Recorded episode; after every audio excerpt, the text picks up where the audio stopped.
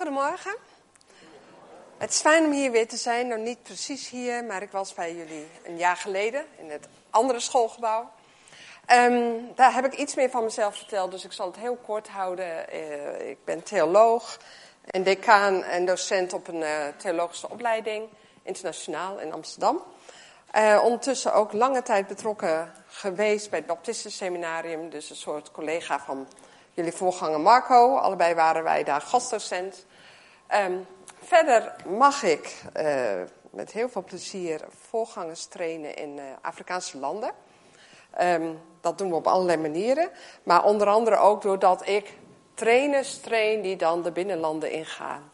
Om, uh, om daar voorgangers te trainen. Want zoals je misschien wel weet, misschien ook niet, zijn er heel veel kerken en kerkjes in de Afrikaanse landen, maar er is niet zo heel veel training of mogelijkheid om naar een theologische opleiding te gaan.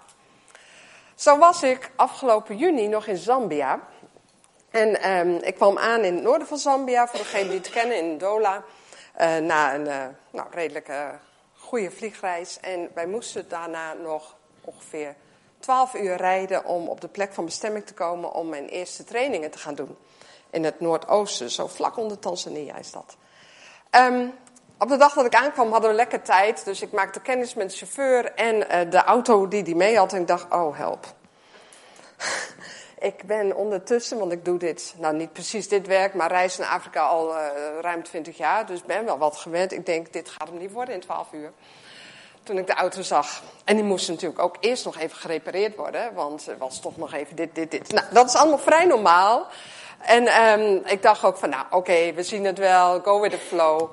Um, dus we zouden wel vroeg vertrekken, samen met twee collega's uit, uh, uit Zambia, twee dames, dus waren met drie vrouwen op stap en een chauffeur. Maar de chauffeur voelde zich niet zo lekker, dus ik had een beetje mijn zorgen geuit naar de voorganger die het allemaal had geregeld. Die bleef ook lekker achter. En uh, die dacht, zoek, nee, die dacht niet, zoek het uit hoor. Die zei, ik bid voor jullie. en zo gingen wij om vier uur s'nachts op weg ik bid voor jullie. ik dacht, ja, ja. Wij gingen op weg, ging goed. Hè, door de kuilen en door de obstakels de stad uit. Nou, ging eigenlijk best wel prima. En de, de, chauffeur leek ook wel wat opgeknapt. Maar op een gegeven moment waren we buiten de stad en was het ook wat rustiger. En ik dacht, hé, hey, we gaan wel heel erg van de linkerbaan, dus daar rijden links. Zo, dus ik kijk en was hij in slaap gevallen. Nee, serieus. Dus ik trok aan dat stuur en ik zei, hey, what are you doing? Gelukkig werd hij daar wel wakker van. En je snapt dat we daarna vrij snel gestopt zijn en hij geswitcht is met een van mijn collega's. Die weg is vrij gevaarlijk, omdat er heel veel vrachtverkeer gaat. Dus dat zomaar heel erg anders kunnen aflopen. Uh, waar ik helaas ook wel verhalen van ken uit de eerste hand. Dus, hey, what are you doing? Ben jij nog wel wakker? Dat is de thema van, uh, het thema van vandaag. Ben jij nog wakker? En ik fungeerde als het ware als een wake-up call, als een soort wekker, als misschien wel een hele grote toeter van wakker worden jij. Op dezelfde manier schreef Petrus, of iemand namens Petrus, de tweede brief van Petrus. Eigenlijk als een wake-up call. Eigenlijk als een, als een uh, schudden aan de gemeentes waar hij hem aan schreef, en dat was vrij breed. Zijn jullie nog wel wakker? En ik wil een stuk met jullie lezen uit 2 Petrus 1. En ik begin dan vanaf vers 10. Dus 2 Petrus 1 vanaf vers 10. En dat begint met: Span je daarom des te meer in, broeders en zusters. Ik lees uit de uh, Nederlandse Bijbelvertaling vanuit, van vorig jaar. Broeders en zusters, om uw roeping en uitverkiezing waar te maken. Als u dit alles doet, komt u nooit te val. En zal u onbelemmerd toegang worden verleend tot het eeuwig koninkrijk van onze Heer en Redder Jezus Christus. Prachtige belofte. Daarom zal ik u hieraan blijven herinneren, hoewel u dit alles wel weet en gegrondvest bent in de waarheid die u hebt leren kennen. Maar het lijkt me goed u wakker te houden, door het telkens opnieuw onder uw aandacht te brengen zolang ik in deze aardse tent verblijf. Ik weet dat mijn tent binnenkort zal worden afgebroken. Dat heeft onze Heer Jezus Christus mij te kennen gegeven. En ik doe er mijn uiterste best voor dat u zich dit alles ook na mijn heen gaan steeds weer voor de geest zult halen, kunnen halen. Toen wij u de glorierijke komst van onze Heer Jezus Christus verkondigden, baseerden wij ons niet op vernuftige verzinsels. Integendeel, wij hebben met eigen ogen uw grootheid, zijn grootheid gezien. Want hij ontving van God de Vader eer en luister. Toen de stem van de majesteitelijke luister tegen hem zei: Dit is mijn geliefde zoon, in hem vind ik vreugde. Die stem hebben wij zelf uit de hemel horen klinken toen wij met hem op de Heilige Berg waren. Ons vertrouwen in de woorden van de profeten is hierdoor, daardoor alleen maar toegenomen.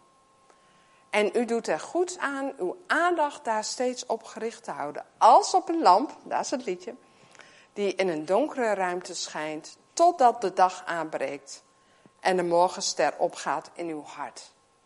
Tot zover. Het is een heel gedeelte, hè? Heel veel woorden, heel veel mooie woorden. Is ook mooi geschreven. Waarin Petrus eigenlijk in zijn testament, zijn laatste brief, je kan er bijna zeggen van misschien hebben heel veel mensen die hem gekend hebben dit pas gehoord of gelezen nadat hij al gestorven is, iets meegeeft aan de gelovigen van toen. Iets meegeeft aan hen die al geloofden. Jullie weten het allemaal, je bent gegrondvest in de waarheid. Ik denk dat dat voor de meesten van ons, zoals we hier zijn, ook geldt. Maar toch wil ik jullie wakker houden. Ben je nog wakker? We gaan het niet uh, zinnetje voor zinnetje doornemen. Dan moeten we naar de Bijbelstudieclub gaan, wat een hele goede zaak zal zijn. Maar ik wil jullie vandaag vooral motiveren. Hoe blijf je wakker? Wat heb je nodig om wakker te blijven? Nou, ik hoorde net over dat nachtspel. En ik kan me voorstellen dat die kinderen na dat lekker broodje kroket of uh, knakworstje eigenlijk dachten, nou, lekker slapen, dekens over me heen. En uh, het is wel goed. En dat het daarna nog een hele kunst was om ze weer actief en wakker te krijgen. Dat kan ik mij zo voorstellen. En dan hebben we het nog niet eens over de leiding. Ik heb zelf jaren jeugdwerk en kampweken gedaan, dus ik weet er wel een beetje van. Hoe blijven we wakker? Ook op reis, misschien ga je nog op vakantie, ga je verder reis maken. Ja, als je s'nachts gaat rijden, zoals ik deed in Zambia, dan is het wel ernstig belangrijk dat je wakker blijft. Wat hebben we daarvoor nodig? Roep eens wat. Koffie, dat is het eerste, hè? eerste wat opkomt, koffie. Iets om ons op te peppen. Iets om ons energie te geven, snelle energie. Dus een energiebron. Een oppeppen. Ja, klopt. Wat nog meer?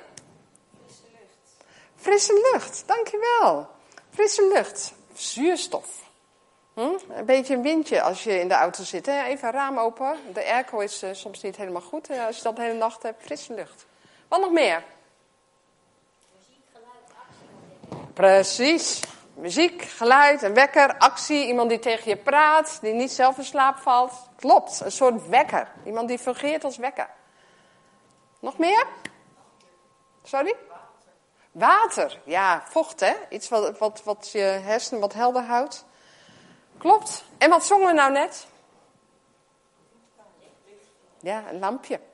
Dat wil nog wel eens helpen, ook als je zit te waken, want daar moet je ook wakker blijven. Hè? Dan als je in het donker zit, dan dommel je toch echt wel weg.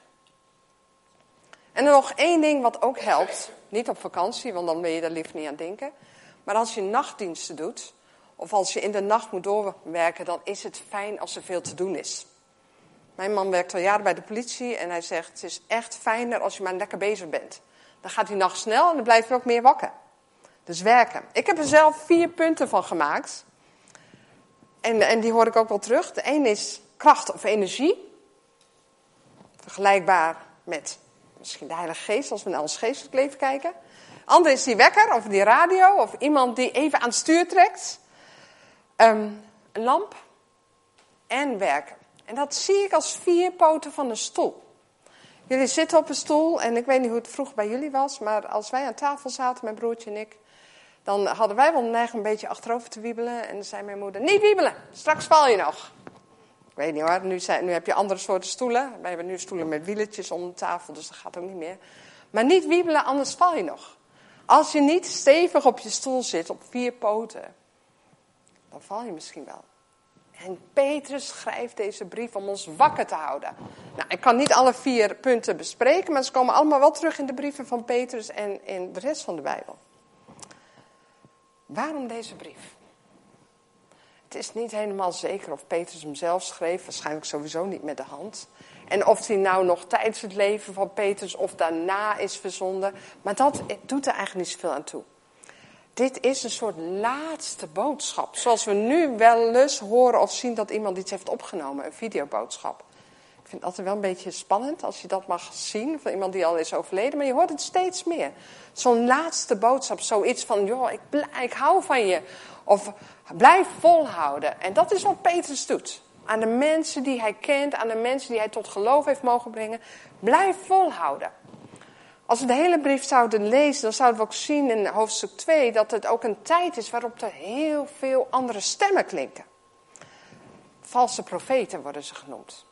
Daar staat deze brief eigenlijk ook al onbekend. Valse profeten. En, en Petrus zegt hier dan ook eigenlijk: wees wakker, wees helder. Bedenk naar wie je luistert. Bedenk naar wie je luistert. Bedenk wie je wil volgen. Dat, dat doet hij ook eh, als hij praat over de profeten. Als hij op een gegeven moment zegt, in het stukje dat ik voorlas, van wij hebben Jezus zelf gezien. We zagen hem verheerlijkt worden. Heel mooi dat we dat daar ook iets van zongen. Verheerlijkt worden. We zijn er getuigen van geweest. Hij zegt eigenlijk van, ik, ik weet wel waar ik het over heb. En dan koppelt hij dat aan, daarom ben ik vastbesloten nog meer in de profeten te lezen. In die tijd was dat echt het woord van God, hè? de profeten, het Oude Testament. Ik wil dan nog dichterbij blijven, zodat ik weet wat God van me vraagt. Dat ik weet dat ik in die waarheid ook blijf. Ik weet niet hoe jullie gaat, maar ik vind het lastige tijden. Ik kan wel een leuk spannend verhaal vertellen over, over mijn avonturen in Zambia. Daar kan ik ook uren over doorgaan. Maar even hier in Nederland, het zijn spannende tijden. Het is ingewikkeld. Mondiaal, de klimaatcrisis, de oorlogen, de honger. Maar ook in Nederland. Polariseren. Ja, ik hoef het allemaal niet te noemen, hè, want het is duidelijk. Of tv meer aan te doen. En dan krijgen wij, docenten, voorgangers, ook in de christelijke media, vaak de vraag: wat moeten we als christenen doen? Ben je voor of tegen? Hoe ver mag je met iets meegaan? Wat is nou het christelijke, bijbelse antwoord op deze crisissen? Wie moeten we volgen? Naar wie luisteren we? Nou, als we alleen al kijken naar de partijen die de C in hun naam hebben, of de SGP, en de christelijke partijen die dat, dat ook zo uitstralen, dan zien we al dat zij echt allemaal verschillende meningen hierover hebben, verschillende kanten op gaan.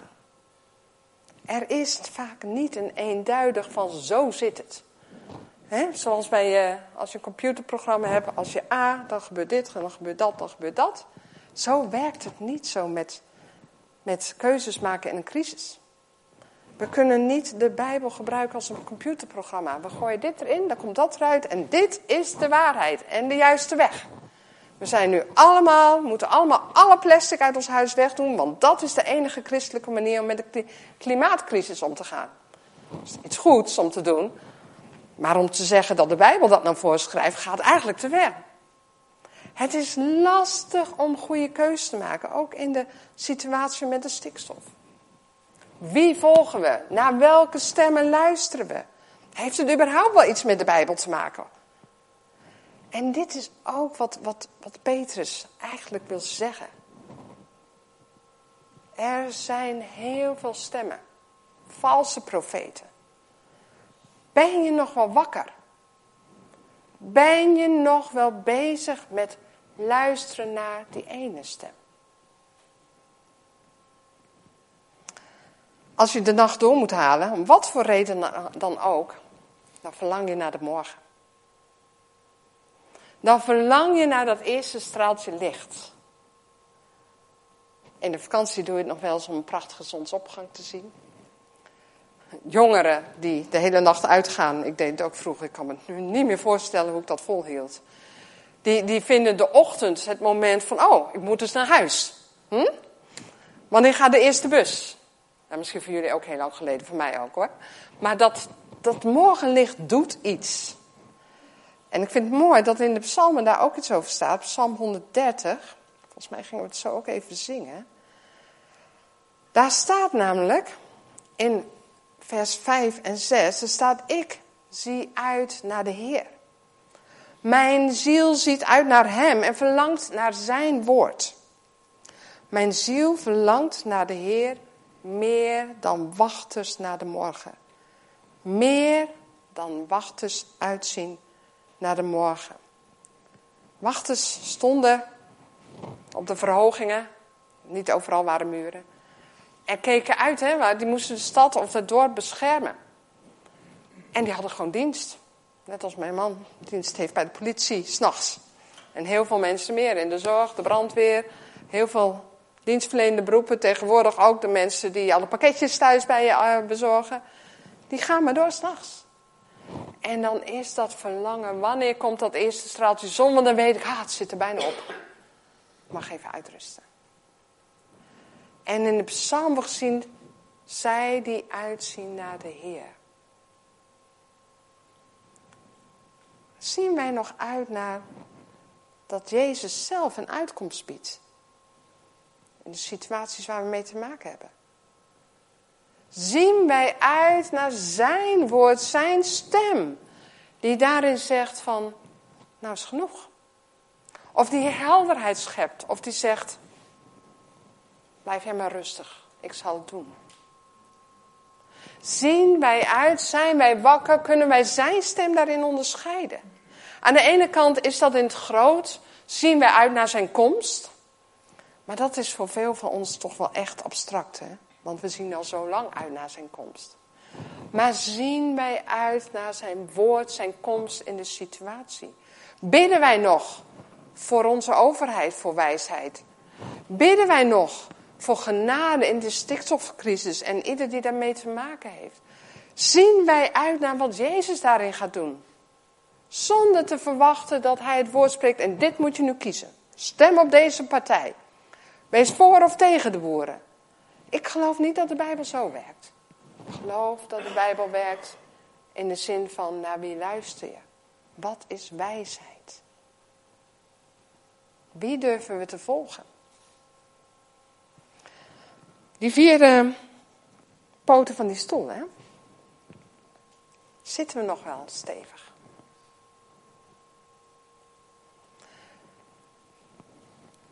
Kijk, eerlijk gezegd vind ik het ook wel lekker, vooral in vakantietijd, om gewoon die lakens over mijn hoofd te trekken en denken: niks aan de hand. Kan toch niet zoveel doen, wie ben ik nou? Hè? Maakt niet zo heel veel verschil wat ik vind, wat ik doe. Niks aan de hand, lakens over mijn hoofd. Ik hou me even bezig met mijn eigen kleine kringetje. En soms is dat helemaal prima. Vooral als in je eigen kleine kringetje al genoeg aan de hand is. Een mens kan maar zoveel aan.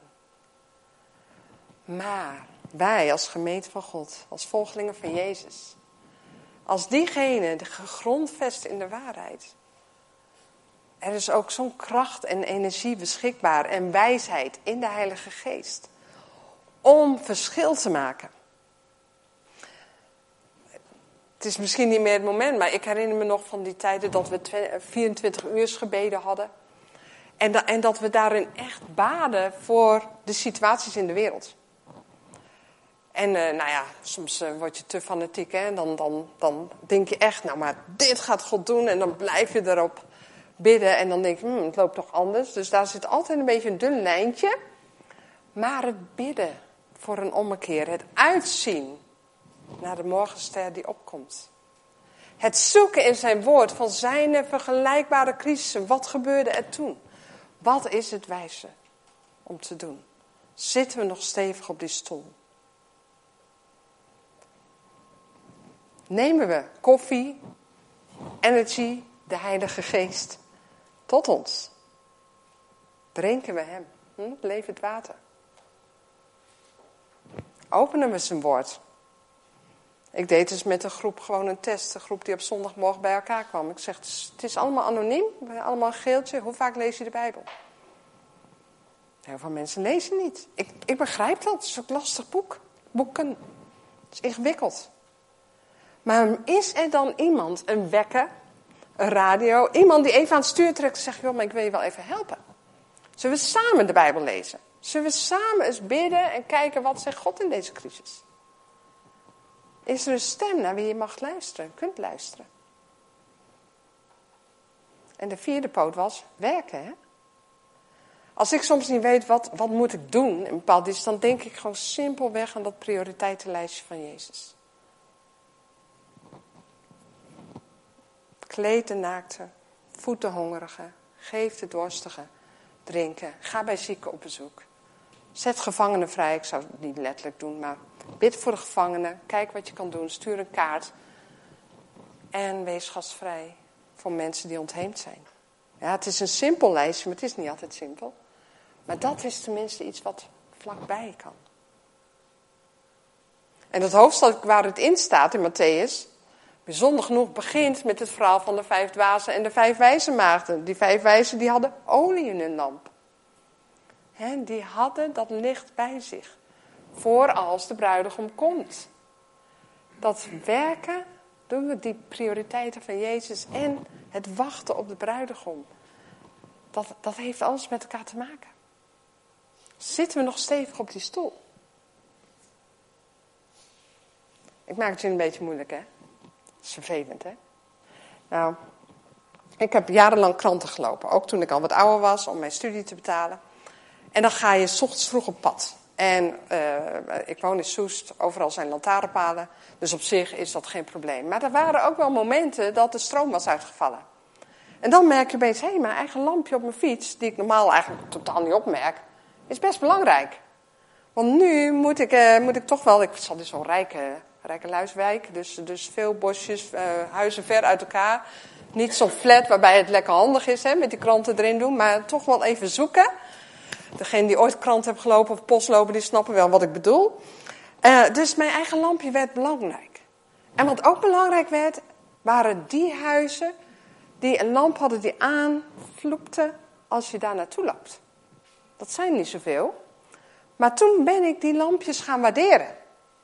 Als wij hier met z'n allen bij elkaar zitten, als christenen met ons eigen lampje. Ja, je valt niet zo op. Het is oké. We zitten hier met elkaar te genieten van het licht. En dat mag, dat moet zelfs, dat is goed voor ons. Maar als het donker wordt, ook precies dat, dat, dat lied. Als het duister wordt, dat is je eigen lampje. Fiets, hoe dan ook, wordt des te belangrijker. En dan ben je dankbaar, dan mogen we dankbaar zijn voor de lampjes van anderen die aanvloepen als jij even hulp nodig hebt. Dus mijn oproep, naast zit je stevig op je stoel, is eigenlijk hoe staat het dan met jouw eigen lampje? En, en als jij iemand ziet die niet meer zo lekker zit op die stoel, omdat het gewoon even niet lukt. Dat Bijbel lezen, dat bidden, de werken doen. Het lukt gewoon even niet. Zit moeilijk met jezelf. Dat kan, dat gebeurt in je leven. Is jouw land al sterk genoeg om even die ander ook bij te schijnen?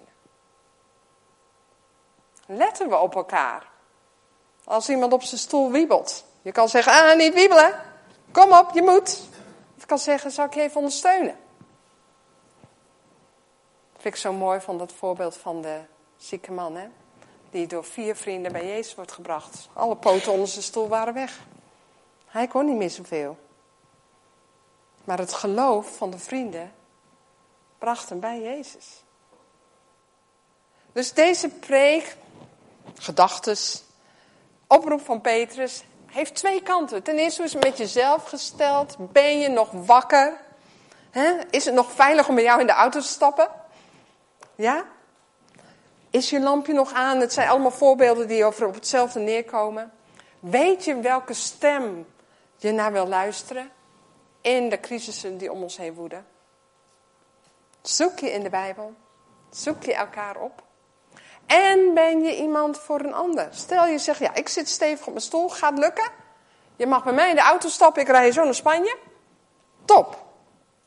Want dat betekent dat je ook voor de ander iemand kunt zijn. Dat jouw lampje aanvloekt als iemand in het donker naar je toe komt.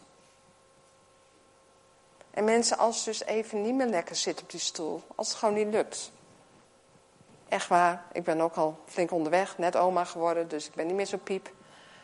Soms heb je gewoon die fases. Dan lukt het even niet en dan wil je wel die lakens over je hoofd trekken. en denk je, ik, ik trek dit niet meer.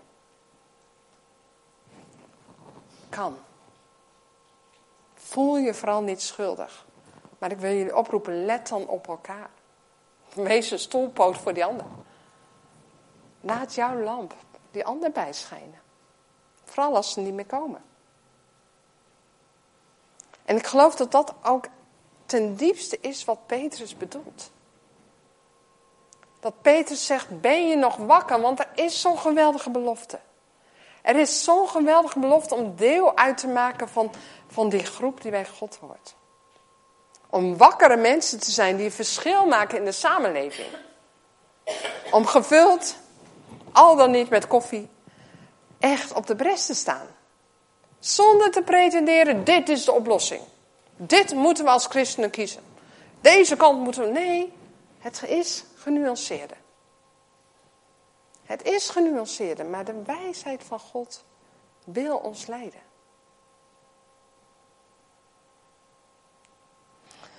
Terugweg van mijn uh, trip naar Noordoost-Zambia.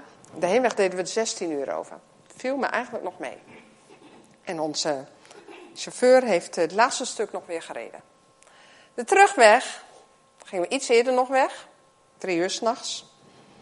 Natuurlijk even een flinke pep talk aan de chauffeur gegeven. En dat ging aardig goed. Want hij had energiedrank gevonden. En uh, dus energiedrank drinken. En uh, we reden redelijk. Maar op een gegeven moment merkte ik, nog mijn energiedrank, dat hij continu. Ik dacht, ik ga niet goed, hè? Ik ga niet goed. Hij, hij, hij is hier niet aan gewend. Hij overreageert. En in plaats van dat hij harder ging rijden, gingen we steeds langzamer rijden. En ondertussen was hij maar druk met zichzelf. Vrachtwagens haalden ons in dat ik dacht, oh, dit gaat zo lang duren. Dus ik zeg tegen mijn collega, die eigenlijk zeg maar, de leiding had over ons team. Ik zeg, als we zo nog even een stop maken, dan moet hij stoppen met rijden. Dit, dit wordt hem niet meer. Dus zij zou dat met hem opnemen. Ik ga naar het toilet. Je moet het niet zo voorstellen als de benzinepompen hier en zo. En met net het toilet geleden. Is een beetje anders. Dus ik ga naar het toilet. Dat is altijd een dingetje. En eh, we proberen wat eten te vinden. Kom terug, zit hij weer achter het stuur. Ik zeg tegen mijn collega, hij zou te stoppen. Ja, dat wil hij niet. Ik dacht, ja, dat ga ik niet toestaan. Dus, zeg tegen hem, weet je nog van de heenweg? Toen je in slaap was gevallen. Ik zeg, je hebt nu al flink wat uren gereden. Ik denk zo acht tot tien uur. Ik denk dat jij toe bent aan rust. Ik moet een beetje, een beetje voorzichtig brengen. Hè? En hij kijkt zo. Ja, ik heb al best veel gereden. Dus ja, ik denk dat het goed is dat je even rust neemt. Laat deze dame, Angela, laat haar even rijden. Hij ging niet rusten, maar hij liet haar wel rijden. Maar ja, uiteindelijk duurde het twintig uur voordat wij ja, terugkwamen op, op de plek waar we moesten zijn. Een rit van twaalf. En ik zie daarin, ik gebruik dit gewoon als voorbeeld van, ja, je kunt in slaap vallen, omdat je gewoon niet alert bent, niet waakzaam bent en, en niet de dingen hebt gedaan die je wakker kunnen houden. Maar je kunt ook overreageren. En dat zien we ook om ons heen. Die, die radicaliteit, en dat herken ik ook wel van mezelf in de iets wat jongere jaren. Ik weet hoe het zit. En we moeten dat. En die moet zo. En we bidden voor dat, want die moet vallen en die moet opstaan. Dat is ook link. Als zo iemand achter je stuur zit. Vandaar dat we die wijsheid nodig hebben. Die wijsheid die Petrus ook zegt. De, dat hebben we nu niet gelezen, maar in het tweede deel. Pas op voor valse profeten. Hij noemt wel profeten. Hè? Wij hebben de geest, die energie, die krachtbron, de bron van wijsheid nodig. Om te weten wie volgen. Ben jij wakker? Ben je betrouwbaar hierin? Ben je in te zetten? En ben je een lamp voor jezelf en voor anderen? Mag ik voor ons hiervoor bidden?